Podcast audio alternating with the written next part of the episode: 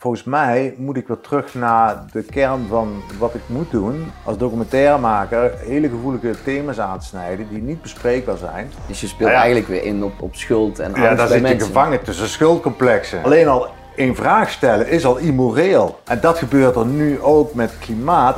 De ratio verzint eigenlijk een verhaaltje gebaseerd op die emotie. Terwijl dat zij niks van die groene energie zien, omdat het park in Noord-Zweden eigenlijk een datacentrum van Google in Finland faciliteert aan stroom. Het klimaatontkenner, dat, is, dat heeft iets met de holocaust te doen. Wij lopen ook dadelijk automatisch naar die chipparties. We laten ons chippen terwijl wij eigenlijk steeds meer het mens zijn verliezen, Ja. omdat we uit die natuur worden getrokken. En uiteindelijk heb je die klimaatagenda en die komt er dadelijk bovenop. En die is nog vele malen erger als dan, dan de corona-agenda. Welkom allemaal weer bij een nieuwe aflevering van Next. Ik ga hem vandaag iets anders introduceren dan normaal, want we zijn namelijk op onze Europa-tour. Wat wij aan het doen zijn is eh, drie tot misschien wel vijf weken trekken door Europa om verschillende internationale gasten te interviewen, demonstraties bij te wonen en daar dan dus ook compilaties van te maken. En we gaan ook onze hele reis documenteren door middel van een vlog. En we zitten vandaag eh, bij een hele interessante gast. Het is een film- en documentairemaker, tikkeltje activistisch wel. En hij heeft zelfs in 2011 een hele mooie prijs mogen ontvangen. De Voice of Peace in de Pakistaanse hoofdstad Lahore. Of in ieder geval de Pakistaanse stad. En dat heeft hij gewonnen omdat hij ja, opkomt voor de rechten van de mens. eh, dus tegen geweld en terrorisme. Dus ik kan wel zeggen dat het een hele bijzondere gast is. Ik zit hier vandaag met eh, Marijn Poels. Goedemorgen. Goedemorgen. Ja, Ja, is het ja, nog ochtend? Ja, ja, ja. Leuk dat je er zijn. Ja, dankjewel dat we mogen zijn. Want wat een ja, warm ontvangst hebben we gehad. Uiteraard. Dat is ook wel een, we leven in een tijd dat we elkaar moeten ontvangen ook. En eh, dat we bij elkaar moeten komen om het over de dingen te hebben, denk ik. Ik denk dat dat de enige weg is dat we, die we nodig hebben om, om, om verder te kunnen hè, in deze tijd. Ja, want dat is ook de insteek van vandaag. We gaan even kort eh, terugblikken op jouw eh, prachtige carrière. En hoe je bent gekomen tot, ja, tot alles waar we het vandaag over gaan hebben. Dus eh, vertel eens wellicht eens kort over wie is Marijn Poels. Nee, ik heb twaalf jaar lang eigenlijk in, was ik documentairemaker in internationale samenwerking, mensenrechten, ontwikkelingssamenwerking. Dat waren voor mij, dat was mijn hoofdfocus. Dat vond ik heel belangrijk, dat, eh, omdat ik gewoon zag dat er mensen waren die niks te eten hadden. En ik, had, eh, ik gooide vaak de halve bord weg omdat ik te veel had gegeten. Eh, in, in, bij ons in het Westen sterven ze aan een overdosis LSD. En in bepaalde landen hebben ze gebrek aan juist één malariapil te krijgen. Dus dat contrast vond ik wel interessant, maar het greep me ook wel aan als, als mens, zeg maar. En daarom ben ik zeg maar die hele ontwikkelingssamenwerking branche zeg maar ingerold. Ehm, en dat heb ik voor televisie gedaan, voor bioscoop, ehm, nationaal, internationaal, maar ook lokaal zeg maar. Dus echt ook geacteerd in de mainstream eh Ja, mediakanalen. volledig mainstream, eh, ook waar ik vandaan kom natuurlijk. Eh, ik kom eigenlijk vanuit het links, progressief, idealisme. Dat, dat zijn wel steek, eh, steekwoorden die bij me passen als je het hebt over mijn, mijn loopbaan in, in de jeugd, zeg maar. Ja, en dat heb ik uitgewerkt met ontwikkelingssamenwerking, omdat ik die thema's gewoon heel belangrijk vond. Eh, te kijken, is er, is er ergens een gelijkheid te krijgen, weet je wel, in armoede, rijkdom. eh, maar vooral om mensen die hier leven, in het Westen, er ook aan te geven dat er nog andere werelden zijn, andere culturen, zeg maar, die niet per definitie fout zijn of, of slecht, maar puur alleen dat feit vond ik wel een meerwaarde, hè, dat je die Mhm. mensen dat mee kunt geven. En ehm, ja, dat heb ik twaalf jaar lang gedaan. Eh, series gemaakt, over 50 eh, documentaires gemaakt in die tijd. Dus eh, heel veel gereisd, een paar keer de wereld rond waarschijnlijk. Mhm. En, ehm, dus ik heb gigantisch veel ervaring op, opgebouwd. En dat was al super, super gaaf. Zowel cultureel, maar ook met mensen omgaan. eh, wat zijn de problemen? En worden ze opgelost? En hoe worden ze opgelost? Ja, en dat vond ik wel altijd het interessante. Om mensen een stem te geven die je eigenlijk normaliter niet hoort in, in de media. En dat Mhm. zijn eigenlijk de, de armsten van de armsten, aan de rand van de samenleving. En ik vond het persoonlijk belangrijk omdat juist die mensen, een vrouw die van 40 die in een sloppenwijk woont in Kenia, eh, die haar eigen pindakaas nog maakt en dat verkoopt op de markt. Dat zijn mensen die echt in de shit zitten. Mhm. Dus die, die voelen ook een innerlijke drive om daaruit te komen. En ze hebben vaak ook wel goede oplossingen. Alleen als je van bovenuit niet gehoord wordt, ja, dan kun je roepen wat je wil en dan verandert er niks. Dus ik denk die innerlijke drive van, van juist die mensen aan de rand van de samenleving is voor mij veel belangrijker Mhm. dan ehm, een, een, een politicus of een, of een koning of zoiets interviewen met zijn mening. Mhm. Omdat je- die koning, die zit niet in die situatie en die vrouw wel. En ik denk dat dat, dat was mijn drive eh, altijd geweest met ontwikkelingssamenwerking. Dus wat je eigenlijk zegt is mensen die de meeste shit meemaken, die hebben de meeste innerlijke drive om ja, eigenlijk eh, vooruit te gaan, te bewegen, te veranderen. Ja, en de, de meest eerlijke drive ook. Eh er zit verder geen politiek achter, er zit gewoon een leven achter. Dus op leven en dood. En die mensen zien de oplossingen, maar krijgen niet de handvaten of de tools zeg maar, om dat Mhm. te kunnen doen. En nou ja, dat heb ik twaalf jaar lang gedaan. Maar je ziet ook waar het fout gaat, is dat je natuurlijk twee agenda's bij elkaar komen die eigenlijk het dieptepunt van beide agenda's neerzet. En dat, dat is, je hebt heel veel mensen die onder het mom van ontwikkelingssamenwerking, en het liefst in Zuid-Afrika, waar palmbomen staan, ehm, om, om het daar te doen. Kijk, het begint vanuit een goede intentie. Hè? Van, Mhm. goh, ik, ik ben mensen tegengekomen op mijn reis door Kenia. En dat zijn lieve mensen, maar die zijn arm, die wil ik helpen. Weet je, daar begint het vaak mee. Nou, dat is op zich een prima intentie. En dan gaan mensen stichtingen oprichten. Hè? En dat ze daar meermalen naartoe kunnen gaan. En uiteindelijk wordt dat zo groot dat die mevrouw uit Nederland zegt van, hey, weet je, ik, ik moet daarbij gaan wonen. Ik Mhm. moet in die armoede leven om, weet je wel, heel concreet met die mensen te werken. En dan wordt het allemaal wel heel erg lastig, want dan gaat de westerling zich bemoeien, zeg maar. Die gaat er zelfs wonen als een soort van opzichter, weet je Mhm. wel, hoe de armoede bedreven kan worden. En dan koopt degene daar een huis, krijgt kinderen, een auto, zit een hypotheek. Kijk, en dan wordt het heel belangrijk om jouw leven daar in stand te houden. Dus je Mhm. leeft feitelijk op die armoede. En dan moet je altijd heel erg opletten van wat is er nou belangrijker voor jou? Is het, eh, ik, ik was wel eens op een congres in Genève ehm, en ik vroeg daar aan een, een hele hoop studenten met de directrice van Mhm. eh, grote ontwikkelingsorganisaties.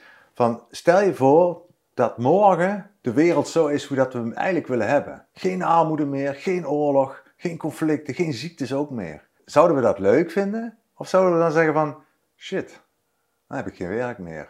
Ja, want ik wilde heel even op inhaken, want je noemde net dat is wat twee agenda's samenkomen. En volgens mij bedoel je daarmee doing good with doing business. Dat die- dat, dat eh, op een Ja. gegeven moment gaat schuren, of wat bedoel je daar precies Nou ja, mee? het is ook dat eh, degene in armoede laat zich heel gemakkelijk in een afhankelijkheidspositie zetten. Omdat Mhm. hij weet dat brengt geld op. En een westerling gaat heel graag naar Zambia om daar een schooltje op te richten. Omdat ze daar voor elkaar, iets voor elkaar krijgen, wat ze Mhm. waarschijnlijk in Nederland nooit voor elkaar krijgen. Maar uiteindelijk, het feit dat ze het daar voor elkaar, voor elkaar krijgen, komt wel in Nederland Mhm. op de bio Ja. op hun biografie te staan. Waardoor Ja. ze, weet je wel, zelf eh, daar wat meer mee Mhm. kunnen. Eh, makkelijker een baan vinden van, oh, die heeft een schooltje opgericht. En het dieptepunt vanuit de armoedekant is dat zo'n mensen nog meer in een, of een, een afhankelijkheidspositie komen. Omdat het, het zit bijna in hun genen om, dat, weet je wel, om, Mhm. om de arme Afrikaan te spelen. Omdat ze weten dat werkt. En Dus, dus eigenlijk een soort self-fulfilling prophecy. Dat houdt zichzelf in stand continu. Het houdt zichzelf in stand, terwijl je eigenlijk beter zou kunnen zeggen van... hey, ik heb een manier hoe jullie uit de shit kunnen komen. Ehm, misschien is dit een manier. Nou, dan moeten jullie die actie doen en die actie en die Mm. actie. En verder, Ja. weet je wel, it's not my business. Ja, weet dus, je wel? dus het eeuwenoude voorbeeld, geef ze geen vis, maar geef ze een hengel en leer ze Ja, vissen. en je hebt zoveel voorbeelden van mensen die machines sturen naar Afrika en uiteindelijk is de diesel op en dan weten ze niet meer wat, wat ze moeten doen. Weet je wel? Dus niemand Mhm. heeft, eh, heeft die mensen geleerd dat er diesel in moet. Dat zijn hele, hele simpele, maar wel Mhm. pijnlijke voorbeelden, zeg maar, hoe het gaat. En mensen raken verknocht aan die au- eh, automatisering. Mhm. En uiteindelijk gaat het kapot, ja, dan is het kapot. En, en, dus die mensen die moeten hun eigen verantwoordelijkheid ook kennen. En het zijn slimme mensen. Ehm, en met name ook eh, de standaard waar ze eigenlijk naartoe willen, Mhm. dat is hun standaard. Weet je? Dat is totaal niet onze standaard. Wij hebben veel andere standaard die we daar in Afrika willen neerzetten, bijvoorbeeld. Mhm. En daarbuiten zie je natuurlijk ook heel veel eh, onder het mom van ontwikkelingssamenwerking. Trekken wij daar de grondstoffen eruit. Weet je wel? En geven wij in ruil daarvoor eh, ontwikkelingsgeld. Mhm. Weet je wel? En waardoor het heel gemakkelijk voor ons is om daar grondstoffen weg te halen. Dat is eigenlijk een, een, een hele dubieuze agenda die daar, die daar zich uitrolt. En dan kom je natuurlijk aan de andere kant, heb je bijvoorbeeld, je hebt India bijvoorbeeld, neemt geen geld meer aan van Nederland. Die willen geen ontwikkelingsgeld meer hebben, omdat Nederland zegt, ja, maar als jullie, uh, wij geven jullie geld, maar voor dat geld moeten jullie bedrijven oprichten en jullie moeten voldoen aan uh, jullie mogen kinderen niet laten werken. Mhm. Weet je wel, die, die, die moralische rechten die wij hier ook neerzetten in het Westen. En een, terwijl wij ons rijk ook groot hebben gemaakt met slavenhandel. Met andere dingen, weet je en Dus wij hebben die dingen ook nodig gehad om daar te komen waar we zijn. Maar we verbieden het de anderen die nog niet zo ver zijn. Mhm. En India heeft bijvoorbeeld gezegd van dan laat dat maar mhm. zitten, dat geld. Ja. Want wij doen zo geen zaken. En dat is eigenlijk een dubieuze agenda. Als je het vergelijkt met China, die zeggen eigenlijk wij bouwen wegen. In ruil daarvoor moeten wij koper hebben. En het interesseert ons geen bal hoe die koper uit de grond komt. Mhm. En je hoopt dat dat, weet je wel, dat mensen zelf dat, dat bewustzijn krijgen, we moeten beter gaan zorgen voor de mensen. Maar daarvoor moet je mensen wel eerst die stimulans en die verantwoordelijkheid ook geven. Ja, ik heb zelf ook ooit een keer een interview gezien met allemaal, uh, ja, hoe zeg je dat, hoge heren uit verschillende uh, ja, Aziatische landen.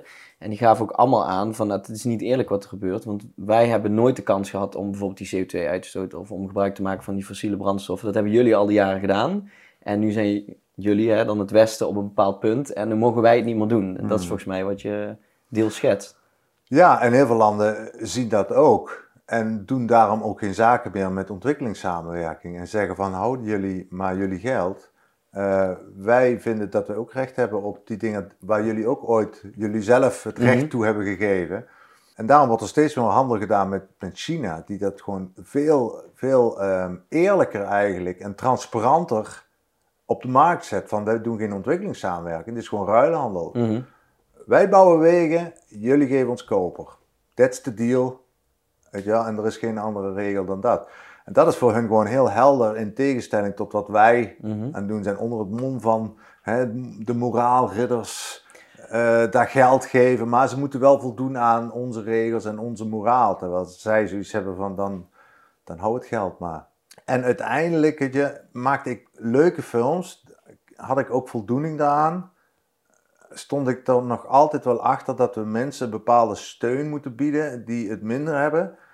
Maar steeds vaker kwamen er mij, want ik reisde ook door Europa. En je zag in Europa ook steeds meer eigenlijk problemen ontstaan. Waardoor ik dan eigenlijk ook dacht als filmmaker van, ja, het is wel fijn werken zo. Inderdaad, in fijne landen, mooie landen, waar het altijd avontuurlijk is. Of weet je wel, mooie natuur, mooie mensen, mooie cultuur. Maar als ik het in eigen achtertuin datzelfde verhaal kan maken, waarom moet ik dan steeds zo ver weg? Weet je wel? En dat begon te knagen. En het begon me te knagen dat ik telkens premières had en voorstellingen en uh, weet ik wat allemaal met films. En daar zat eigenlijk altijd mijn publiek. Mhm. En dat was het links, progressief, idealistisch publiek. Die heel veel wisten over die thema's. En waardoor je eigenlijk alleen maar als filmmaker de bevestiging was mhm. van je eigen stam. En eigenlijk als documentairemaker wil je juist een discussie. Je wil overal kritisch op kunnen zijn ja, van alle tijden. Dus ik was voor eigen parochie aan het filmen eigenlijk.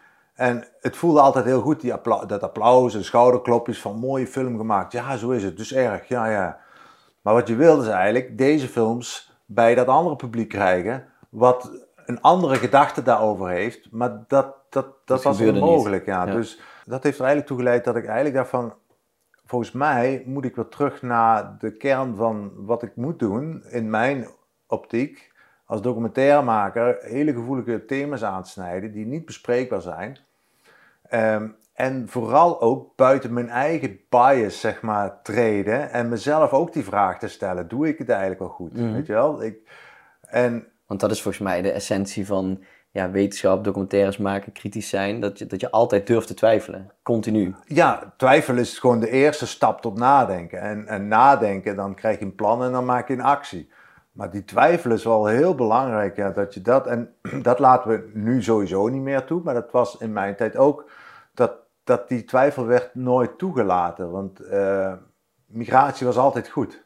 Daar had je het niet over, uh, ja maar, of weet je wel, dat is, Nee, die mensen komen van oorlog, dus die moeten hier naartoe. Terwijl dat En- ook voor een disbalans zorgt in het land waar ze naartoe gaan. Ja, maar En dat, dat maakt dan niet uit. Het niet. gaat erom, die mensen moeten we redden. Weet je? En, en er werd niet echt veel verder gedacht dan dat. En het werd allemaal maar aangenomen omdat het eigenlijk al zo moraal was binnen onze club. Mhm. Dat die vraag eigenlijk, die kwam nog niet eens eens op in gedachten. Het was gewoon goed dat als je mensen uit een brandhaard haalt, is het goed. Mhm. Maar wie bepaalt of dat een brandhaard is? Dat, nou, dat Ja. lezen we in de krant. Weet je wel? Of dat zien we op, op televisie. Maar that's it. Dus je gaat er dan vanuit, daar is oorlog, dus die mensen moeten Mhm. hier komen. En dat, is, dat kun je wel genuanceerder zien, omdat, omdat het genuanceerder is. Maar die- daar kom je nog Mhm. niet eens eens aan. Weet je wel? Het, is gewoon, het hoort bij onze, onze Mhm. Millennium Goals. Weet je wel? Dus that's it. En, en de Millennium Goals die bestaan al best wel lang. Hè? Je had er eerst acht, geloof ik. Nu heb je er Ja. eh, weet ik hoeveel. En daar, dat was altijd een leidraad ook. Weet je? Dus armoede de wereld uit helpen, eh, gezondheidszorg. En als je maar voldeed aan die thema's, was het goed. En omdat daar heel veel subsidies aan vasthangen. Dus als ik een project heb Mhm. die gezondheidszorg of, of eh, wat dan ook, onderwijs.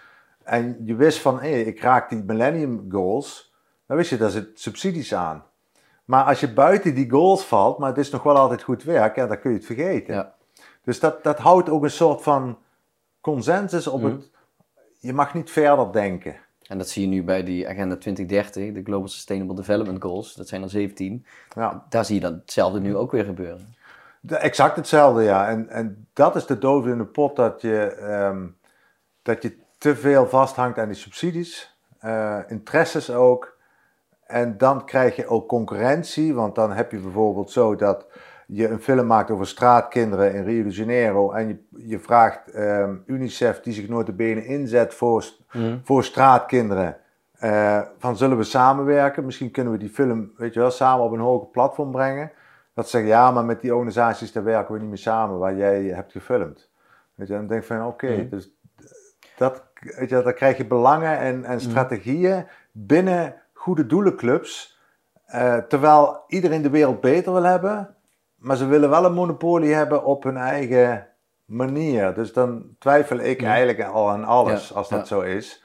Ja, want ik wil even een sprongetje in de toekomst maken. Die, hè, die Global Sustainable Development Goals, die 17, dat, daar zijn we het allemaal over eens. Hè. Als je ze in de kern bekijkt, dan lijkt dat alsof dat alleen maar voor het goede is. Nou, jij bent er volgens mij gedurende je carrière achter gekomen dat, hè, dat de ontwikkelingshulp wat je gedaan hebt, dat soort van ja, dweilen met de kraan open is als het ware, omdat dat systeem niet klopt. Ehm, daardoor ben je geswitcht naar een hè, wat meer kritische benadering van topics die normaal niet eh, aangeraakt mogen worden. Kun je eens uitleggen hoe is die transitie gegaan? Ehm, waarom zijn die doelen niet wat ze zijn? Hè? En, en wat zit daarachter? Waarom gebeurt eh, hetgeen wat nu allemaal gebeurt? Nou ja, ik heb dus eh, na, die twaalf jaar heb ik gedacht van hoe, hoe ga ik verder? Dus ik heb een jaar sabbatical gehouden. Dat heb ik geloof ik drie maanden volgehouden overigens, want ik ben best wel een workaholic.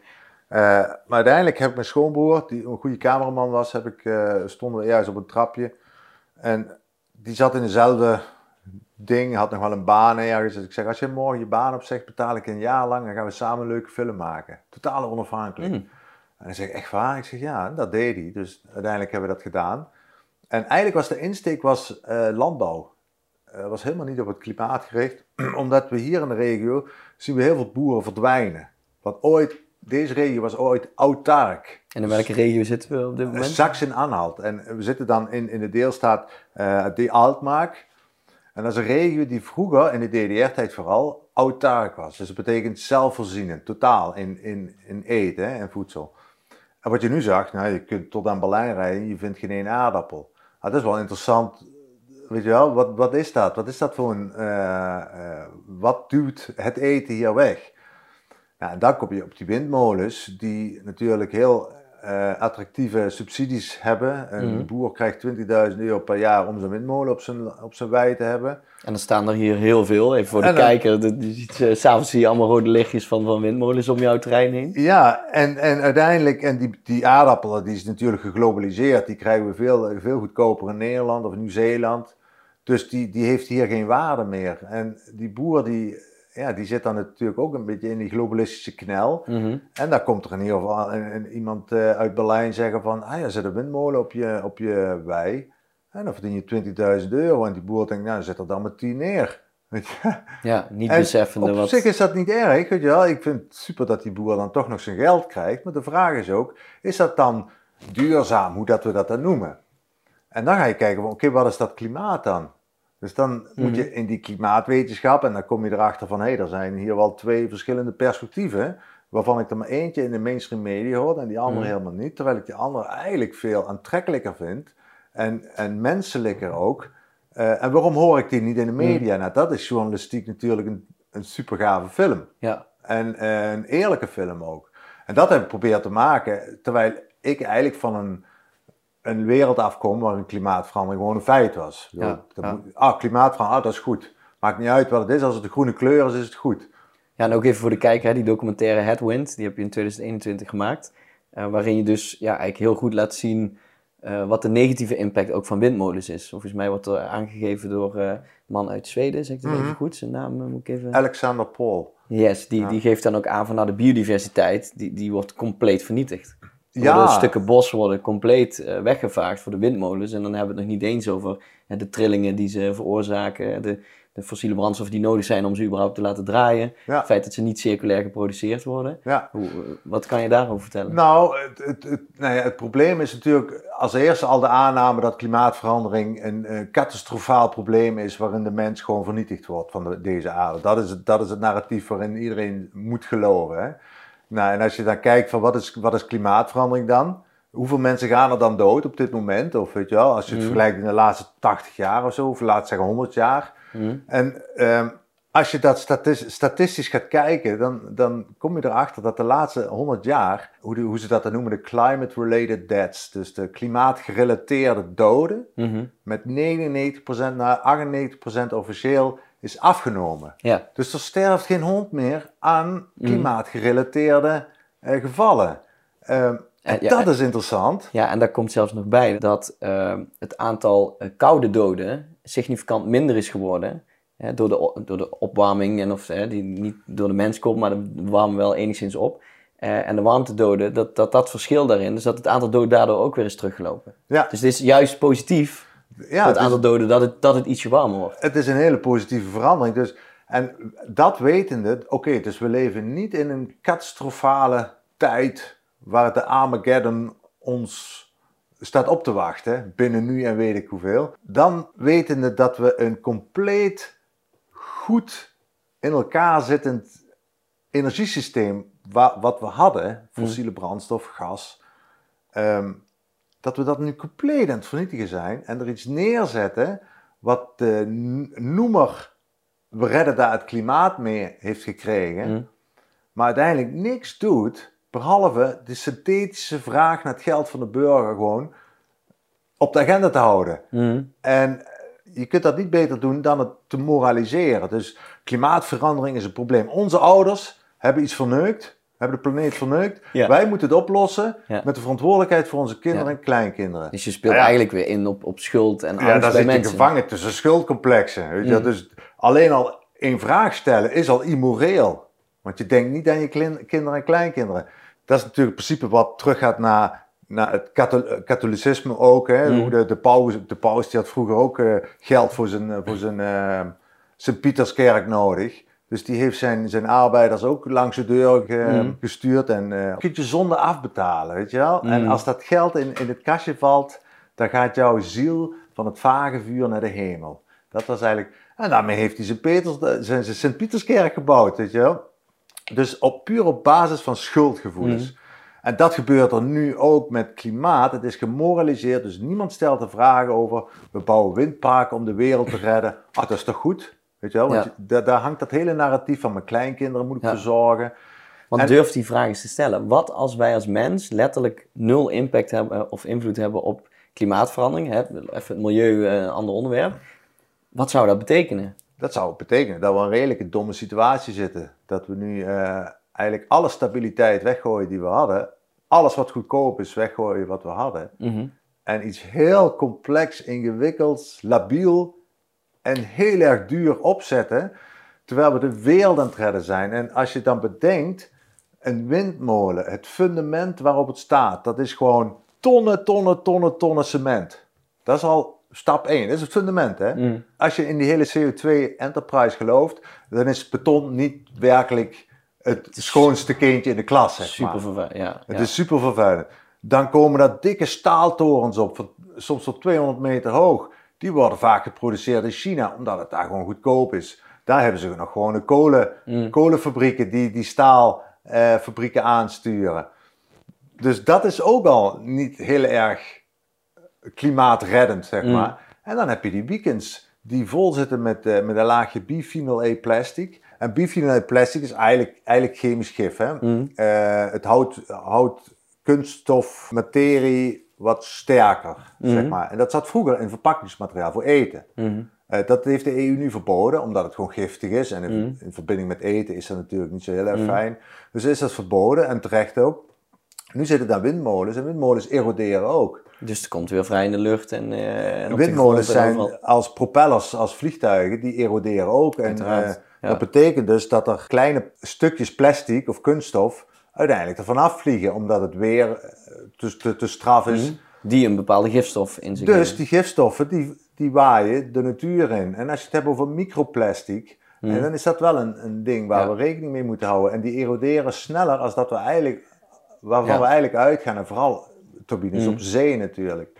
Dus dat is het, de hele enterprise die ze Ja. daar neerzetten. En dan heb ik het nog niet eens over het bossen die worden Ja. gekapt. Hè, en lijnen die worden gelegd. Want het windpark in Zweden, in Noord-Zweden, in een afgelegen bosgebied Mhm. wat gekapt is geweest. Er zijn eh, weet ik hoeveel windmolens geplaatst. En elke Zweed denkt van, ah, dat is fantastisch, weet je wel. Eh, we hebben weer nieuwe groene energie. Terwijl dat, zij niks van die groene energie zien, omdat het park in Noord-Zweden eigenlijk een datacentrum van Google in Finland faciliteert aan stroom.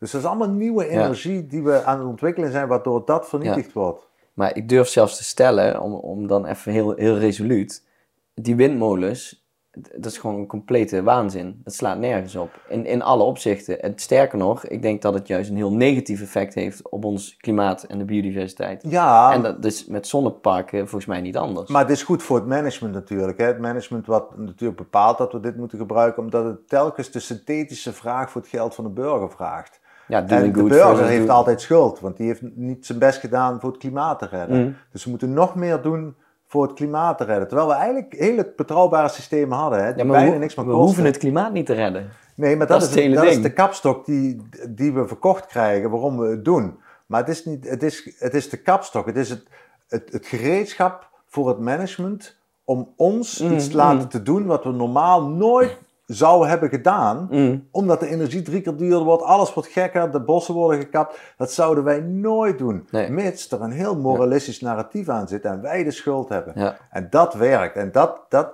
daar zijn, zijn die managementstructuren heel erg goed in om, om die eh, kapstokken te vinden.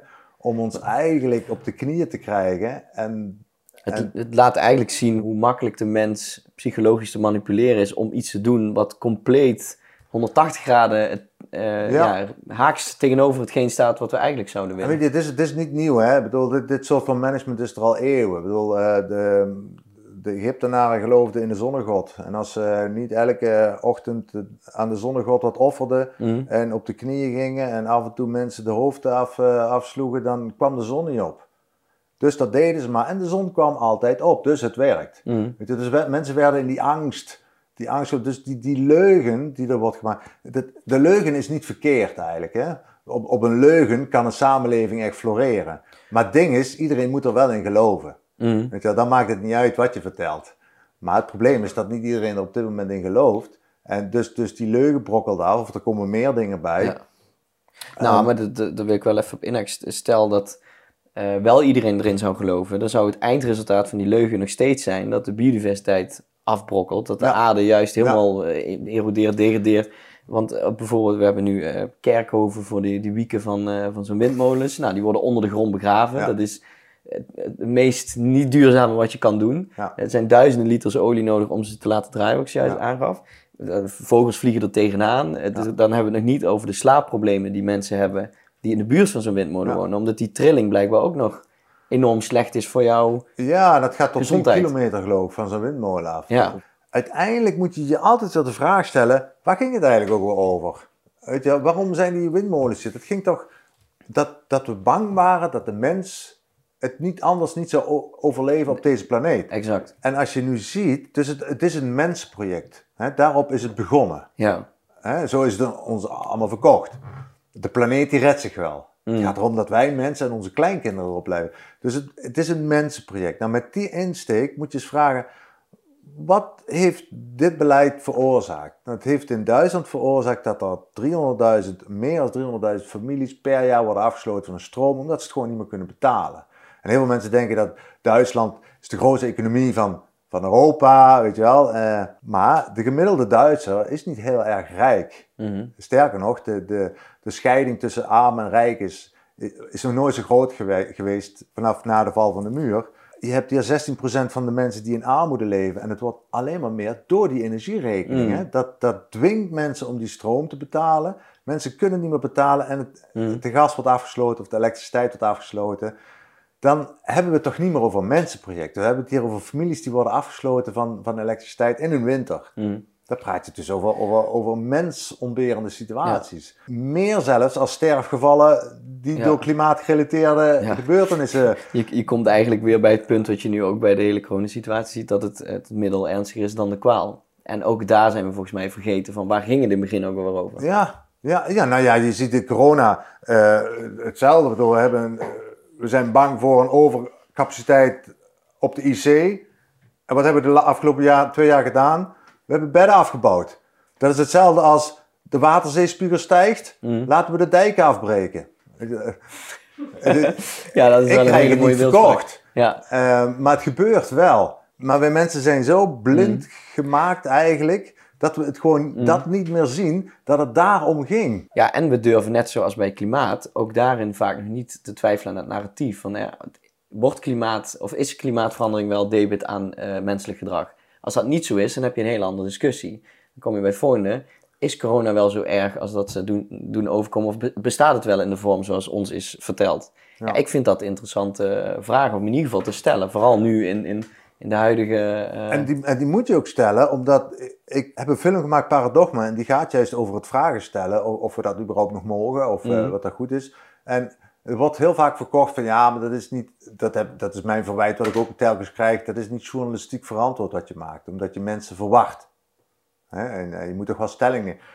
Dan denk ik van, oeh, dat is wel ziek, dat is wel gevaarlijk, die Mhm. stelling, weet je wel. Journalistieke verantwoordelijkheid, wat, is dat dan? Waar komt dat vandaan? En eh, wie bepaalt die? Want dan zit je dus aan een narratief. En de journalist, journalist is, journalisten voelen zichzelf heel erg interessant de laatste tijd, weet je wel. Of dat, dat is al altijd geweest, maar... En eh, hebben ook een mening en willen dat graag ook ventileren in, in hun artikelen of stukken. En ik denk dat juist de journalist, een, een echte journalistiek, praat ik niet over onderzoeksjournalistiek of, of wetenschappelijk journalistiek, maar een normale journalist die moet gewoon optekenen wat de, situa- wat de situatie in de maatschappij is. mm, En als er verdeeldheid is, dan zeg je dat. En als iemand denkt dat de wereld plat is, dan moet je daarover berichten van. En dan moet je eigenlijk als journalist denken van, dat is interessant. dat is toch juist interessant inderdaad, En- als iemand dat denkt of vindt. Ja, laat, geef die man eens een podium en kijk eens of dat wat in de, in de democratie teweeg gaat brengen. Ehm, en je mag dan wel zeggen als journalist van, nou ja goed, de, de normale aanname is dat hij rond is, maar laten we die man eens uitpraten. En Mm. misschien, ze, weet je wel, Ja, en het gaat er niet om, om dan als uitkomst te denken van, aha, dus hij is plat of hij is rond. mm, Maar het is veel interessanter, en dat zijn we helemaal verleerd, om te kijken en te proberen te snappen hoe het kan dat die man zo, Zo denkt, denkt, als dat ja. hij denkt. Ja. En dan die uitkomst is totaal irrelevant, maar dan ga je een maatschappij ook snappen, zeg maar. Ja. En eh, ik weet dat er een eh, universiteit in Chicago, dat is de, de meeste Nobelprijswinnaars komen daar vandaan. En ik belde die eh, president op van, van de universiteit en ik vroeg dat, wat, wat is dat eigenlijk? Hoe kan dat? En toen zegt hij van, nou ja, dat weet ik niet, maar wij hebben wel de stelling van, als iemand beweert in de wereld, een, een groot publiek figuur, Mhm. 1 plus 1 is 7, eh, en soms 6 of 5, ja, weet je wel, dan zijn er twee manieren om te reageren. Of je zegt, die is dom, Ja. weet je wel, dat is een flaprol, dan gaan we, die, die moeten we buiten sluiten. Of je zegt, hé, hey, dat is interessant, ik nodig jou uit en leg het eens hier op de universiteit uit hoe jij aan die uitkomst komt. En hij zegt dan, die uitkomst is niet zo belangrijk. Het gaat er meer om om te kijken of er een logische draad zit Ja. naar die uitkomst die hij mij vertelt. dat is eigenlijk het denkproces van de persoon. En vaak zit daar een logische draad in. Weet je wel? En, en dat is de discussie waar we precies daar in die uitleg, Mm. daar moeten we zitten met de discussie. Maar we zitten in de discussie aan de voor- of aan de achterkant. En we komen eigenlijk helemaal niet in het midden van, van, waar, van Mm. de diepte van de discussie. Hè? Omdat we meteen morele stempels hebben toegekend. Ehm, als ik de vraag stel over klimaat, een klimaatontkenner, Mm. punt. Weet je wel? Eh, als ik een, vraag stel over corona, een corona-ontkenner, eh, extreem rechts, eh, Ja. weet ik wat. En dat is gewoon het mechanisme natuurlijk wat een, een management nogal graag gebruikt. Dat er heel veel gemoraliseerd wordt. Dus dat we echt in ons cognitief brein bepaalde stempels hebben. Dat Mm. wordt, het, het hele narratief wordt ook zo gespeeld. Hè? Je hebt bijvoorbeeld financial cliff. Weet je wel? Dat is een dat woord wat in de politiek wordt gebruikt. Financiële afgrond. Mm. Dat kan een afgrond van 1% zijn, maar dan kun je het nog zo noemen. En politiek gezien klinkt dat heel zwaar. Mm. Dus, want ehm, financieel is, dat, dat weet mensen alle, iedereen weet wat financieel betekent. Hè? Zonder financiën ga je dood. En cliff, dat is een ravijn, daar kun je vanaf donderen en dan, ga je ook dood. Dus dat is eigenlijk zo'n super metafoor. Ja, in, Wat je- in het huidige systeem. Hè? Ik bedoel, als je geen financiën hebt en je bent zelfvoorzienend, dan kun je in principe... eh, Nee, inderdaad. Maar weet je, het gaat erom dat je, er worden telkens die woorden gebruikt. mhm. En die woorden zijn heel zwaarwegend. Klimaatontkenner, dat, is, dat heeft iets met de holocaust te doen. Dus dat, die stempel zit erop. Dat gevoel Ja. zit erin. Kun je Dus dat iets, iets verder toelichten? Want dit is be- nogal Nou ja, een... weet je, ont, ontkenner, dat, dat komt van holocaustontkenner. Mhm.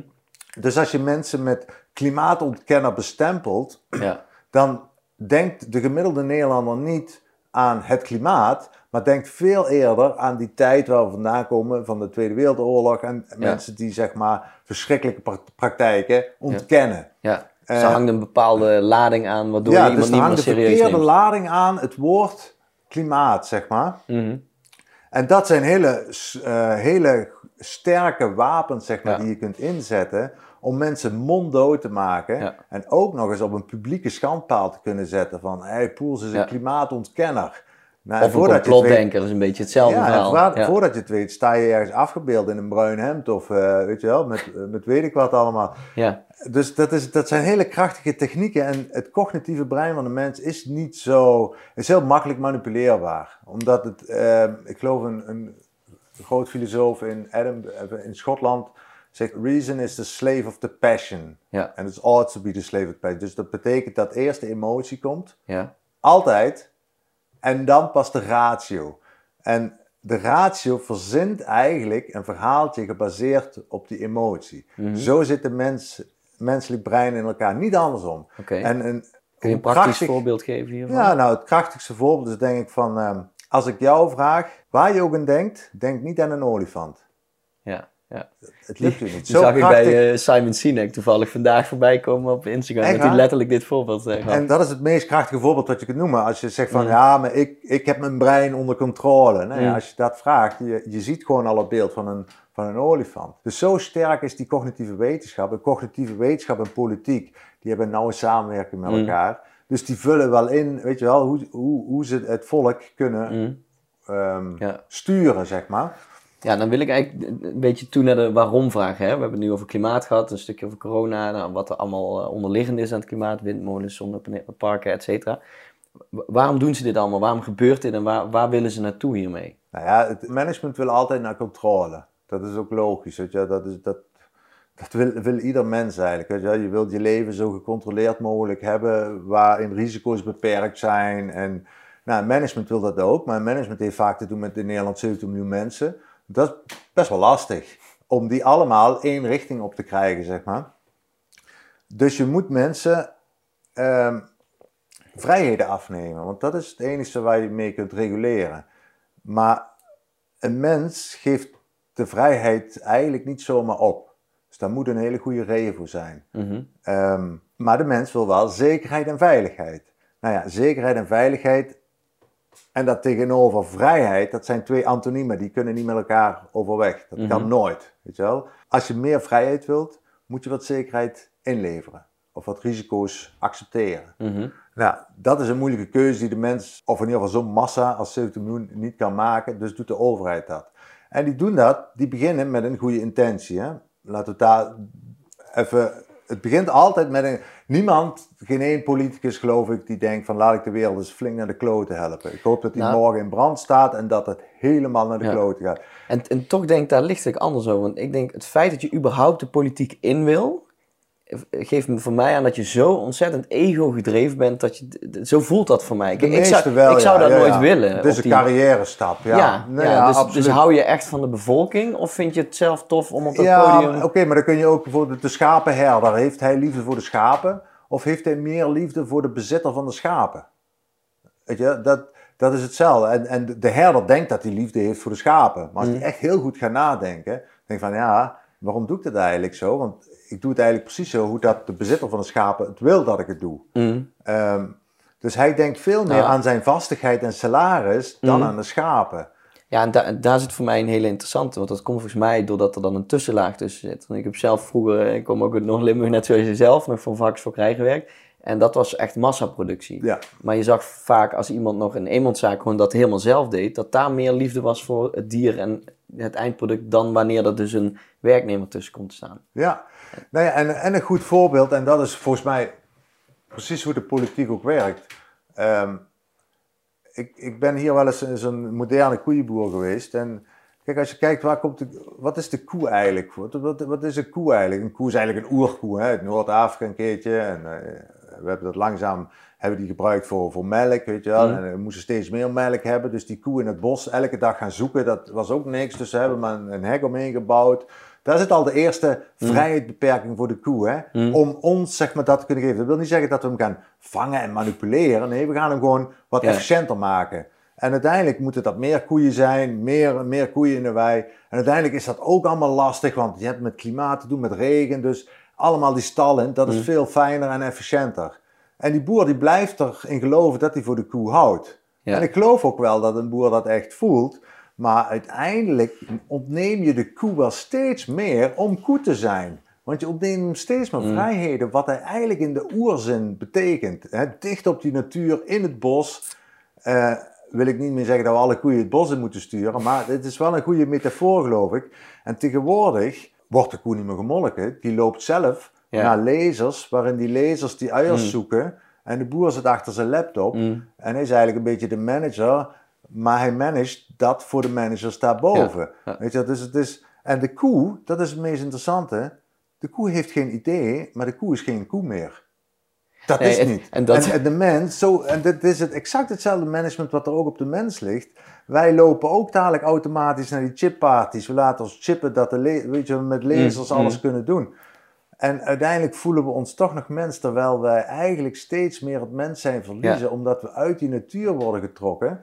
En dat is natuurlijk het meest ideale voor een overheid om ons daar te krijgen. En daar worden al deze maatregelen als klimaat, eh, corona, eh, voor gebruikt om maar een digitale identificatie te krijgen, dat elke stap Juist. kan worden geregistreerd onder de noemer van wij willen jullie veiligheid bieden. Mhm. Maar we hebben het niet in de gaten dat onze vrijheden worden afgenomen. Sterker nog, we verwarren die dingen cognitief. Hè? We denken dat dat hetzelfde is. Dus als we, als we veilig zijn, dan zijn we pas vrij. Weet je wel? Ter- Terwijl het Ja. grootste avontuur wat je kunt beleven is gewoon elke dag geconfronteerd worden met de grootste risico's die er bestaan. Dat is vrijheid. Vrijheid is niet romantisch. Daar moet je voor vechten. Hè? En daar moet je ook risico's voor kunnen incasseren.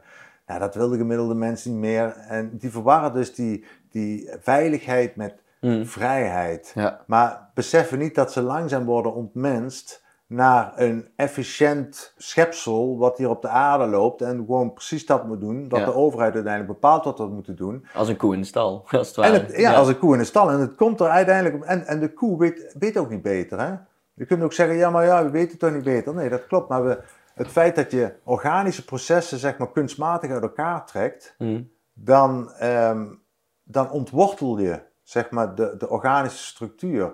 En dan onderschat je eigenlijk de kracht van de natuur. Eh, en vooral ook de mens en de natuur, die verbinding. Mm. Ehm, en uiteindelijk, en het is hetzelfde als we zijn begonnen met bossen te reguleren. En eh, dat had ook een goede reden dat we dat hebben gedaan. Maar uiteindelijk zijn we ook pesticiden gaan inzetten om bepaalde structuren en schimmels niet meer te laten groeien in het bos, omdat we alleen maar berkenbomen willen hebben. En dan op, op dat moment word je dus onderdeel van dat ecosysteem. Hè? Dus het komt de politiek in dat ecosysteem. En aan de politiek hangt Mhm. natuurlijk het geldsysteem en de BV's die eraan meedoen. En dan worden er concessies gedaan tussen natuur, balans, economie, interesses. En dan kom je Mhm. in een soort van geïnstitutionaliseerde domheid. Dat we, we willen, dit is het, dit is de oplossing, 100%. Maar we kunnen maar 40% oplossing doen, want we hebben zoveel interesses, weet je wel. We moeten iedereen tevreden houden. En uiteindelijk ga je dus het bos ook ontbossen. Want het bos kan nooit meer, het mist bepaalde dingen die er altijd zijn geweest en die we eruit hebben getrokken omdat we wouden reguleren. Nou, uiteindelijk komt daar monocultuur. Van monocultuur groeit er niks meer en krijg je woestijn. Nou, dat heb je dadelijk ook met de mens die zich ontwortelt. Mm. En de mens is identiteitsloos, loopt ook in een kille woestijn. En uiteindelijk kan dat alleen maar Mm. ehm, ehm, samenbreken of Ja. vallen. En uiteindelijk komt het er ook op neer dat we, kijk, dat hele klimaatnarratief, hè, je krijgt eigenlijk een coronapas, hè, dus digitaal. En corona is, is totaal irrelevant, hè, is helemaal niet belangrijk voor het management. Het gaat erom dat je die pas krijgt. Mm. Want dat is uiteindelijk, ehm, dat is uiteindelijk het doel natuurlijk. Er wordt iets voorgeworpen, dat is angst, Mm. weet je wel. En daardoor ga je dat eh, inzetten op jezelf. En uiteindelijk gaat die angst weg, maar de inzet blijft Ja. wel. Dat is, na, dat is- 9-11 toen gebeurd, hè? heel veel vrijheden ingenomen. Dat door is het idee, ja. mom van terrorisme. En ja. uiteindelijk zijn we dat vanzelfsprekend gaan vinden. En uiteindelijk heb je die klimaatagenda. En die komt er dadelijk bovenop. En die is nog vele malen erger als dan, dan de corona-agenda. Want dan krijg je omdat- CO2-tax. Daar wordt er gezegd van ja, die particuliere tomatenbouwers, weet je wel, die in een moestuin tomaten verbouwen. Dat is allemaal niet zo efficiënt. Die verbruiken te veel water. Mag niet meer. Ja, Weet je wel, ja. eigen kippen houden. Eh, Dus er wordt steeds meer druk gelegd op de vrijheid van de mens. Wat mag die nog en wat mag die niet? Mhm. En uiteindelijk kan de overheid elke stap bepalen die jij zet. En elke stap schaadt. Elke stap is bijna een zonde. Dus daar moet jij voor betalen. Dat is uite- uiteindelijk waar die hele corona... Corona is de blueprint om die hele klimaatagenda en die Sustainable Development Goals uit te zetten op de mens. En uiteindelijk volledige controle eh, wil hebben op de mens, maar uiteindelijk ook op je eigen kind.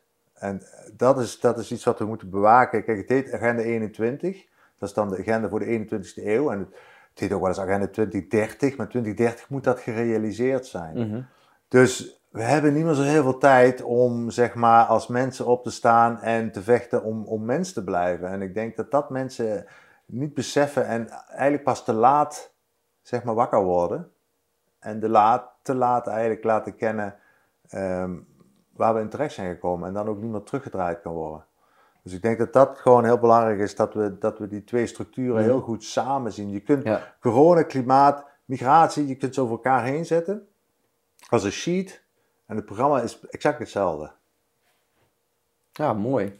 Ehm, moet wel zeggen dat eh, ik ben best wel positief gestemd. We zijn met ons team eh, afgelopen zondag eerst naar Brussel afgereisd. We hebben ook een hele mooie demonstratie eh, bijgewoond. Echt honderdduizenden mensen. Dus dat zijn we in ieder geval wel, ja, we zijn dat positief. Als in, we zijn wel ja, steeds bewuster aan het worden en toe aan bewegen naar ja, toch een samenleving waarin mensen kiezen, zoals jij zelf, om bijvoorbeeld naar Duitsland te verhuizen. Ehm, wat is daar de reden van? Wat was jouw Ja. verhaal daarachter? De reden aan Duitsland, eh, naar Duitsland ben gaan is heel simpel. Dat was de liefde. En dat is eh, knokken tegen natuurgeweld, dat win je niet. Dus ik ben maar hierheen gegaan. Ja. En, eh, maar het is wel, we hadden eerst in Berlijn gewoond en ik, mijn schoonouders hebben hier geleefd. En dit was voor mij wel echt het Walhalla. Het gewoon een paradijselijke plek, juist omdat er niemand was, geen autobanen, heel dun bevolkt. Want jij woont echt in het middelste puntje van het grootste gebied waar bijna geen snelwegen zijn. Ja, en het is, het is, het is ook bijna een onbevolkt gebied, zo wordt het volgens mij ook in de EU omschreven. Ja. Mhm. Dus eh, het is, het is een, het is een, hier is echt nog een potentieel om iets te kunnen doen. eh, wat in tegenstelling staat tot Berlijn of het dichtgetimmerde Nederland. En eh, die vrijheid die, die, zocht ik hier, die vond ik hier wel. Eh, dus ik heb heel erg mijn best gedaan en mijn vrouw gezegd van we moeten terug naar de boerderij. Ja. En eh, dat zijn we gaan doen. En uiteindelijk is dat eigenlijk gewoon nog een gelukstreffer natuurlijk. Hè? Ik bedoel, dat moet je ook maar, dat moet allemaal maar op je pad komen. Maar ik ben wel gaan inzien, vanuit Berlijn naar hier is een grote stap. Hier hebben we een grote tuin, zijn we heel erg zelfvoorzienend. En gaat de focus heel erg op het kleine doen, Mhm. zeg maar, het kleine realiseren, omdat je weet dat het grote dat niet faciliteert. En daardoor, ik, ik kom vanuit de wereld, eh, dat is ook een beetje de activistische aard of het idealisme om de wereld te, willen redden. Mhm. En uiteindelijk komen we erachter dat die wereld ga ik niet redden. Maar wat kan ik dan wel? En dat is eigenlijk, en Jordan Peterson beschrijft dat heel mooi, clean your room. Ja. En daar doelt hij eigenlijk mee op al die mensen die, die, die, klima- die, die de wereld aan het redden zijn. En je komt, je komt bij die mensen op bezoek en die hele kamer ziet eruit als een, als een oorlog. Dus die kunnen hun eigen, hun eigen leven nog niet op orde hebben. En jullie gaan de, de wereld redden. Ja. Zorg eerst dat je je kamer opruimt. Ja. En dan kun je verder kijken. En ik denk dat dat mij hier heeft geleerd dat terug naar de natuur. Het snappen ook wat wij mens zijn, zijn en wat we kunnen. Maar ook het belang van, van een goede familie, een solide familie. Weet je wel, met een goede opvoeding voor je kind. En dat kun je hier op het platteland zo mooi doen. Je tuin kun je scheppen als je, als je zelf wilt. Je Mhm. kunt daar laten groeien wat je zelf wilt. En dan maakt het mij niet uit dat dat buiten de wereld in, in vuur en vlammen staat. Als ik mijn kleine stukje veilig voor mijn familie neerzet. Misschien inspireer ik de buurman. Mhm. En die mag dan meedoen, weet je. En misschien ook niet. Maar Ja. dan heb ik wel, weet je, van daaruit kan veel meer ontstaan. En als, als, we allemaal, als we meerdere mensen zo zouden denken, hè, dat we vanuit onderaan gaan beginnen met de aanpak, dan zaag je de poten van het establishment, establishment weg. Ja. Ik vind dit een hele mooie afsluiter, Marijn. Ik wil je ontzettend bedanken voor de gastvrijheid. Eh, we hebben hier vannacht ook eh, mogen logeren. Ik in de boomhut, de rest in de, in de camper. En precies wat je op het einde schetst, dat voel je ook echt. Je voelt hier een bepaalde rust. Je komt weer terug naar jezelf, de basis. En, en volgens mij moet het leven veel simpeler gaan zien. En starten, hè, bottom-up, eh, bij de essentie. En dat laat jij eh, ontzettend mooi zien. Dus dankjewel. Ja, je even de hand Ja. schudden, want dat doen wij gewoon. Goeie reis. Thanks. Ja, dankjewel. Ik ga hem even afsluiten. Dankjewel allemaal voor het kijken. Eh, we waren hier vandaag bij Marijn Poels. Super inspirerend, mooi verhaal. En we gaan vanuit hier ook eh, verder met onze Europa Tour. Jullie ontzettend bedankt voor het kijken. Vinden jullie tof wat wij doen? Ja, volg ons dan zeker op Telegram, Instagram, ons YouTube kanaal. En als je wilt bijdragen om onze reis eh, mogelijk te blijven maken, dan kun je doneren ook via de link in de, in de beschrijving onder deze video. Bedankt en tot de volgende.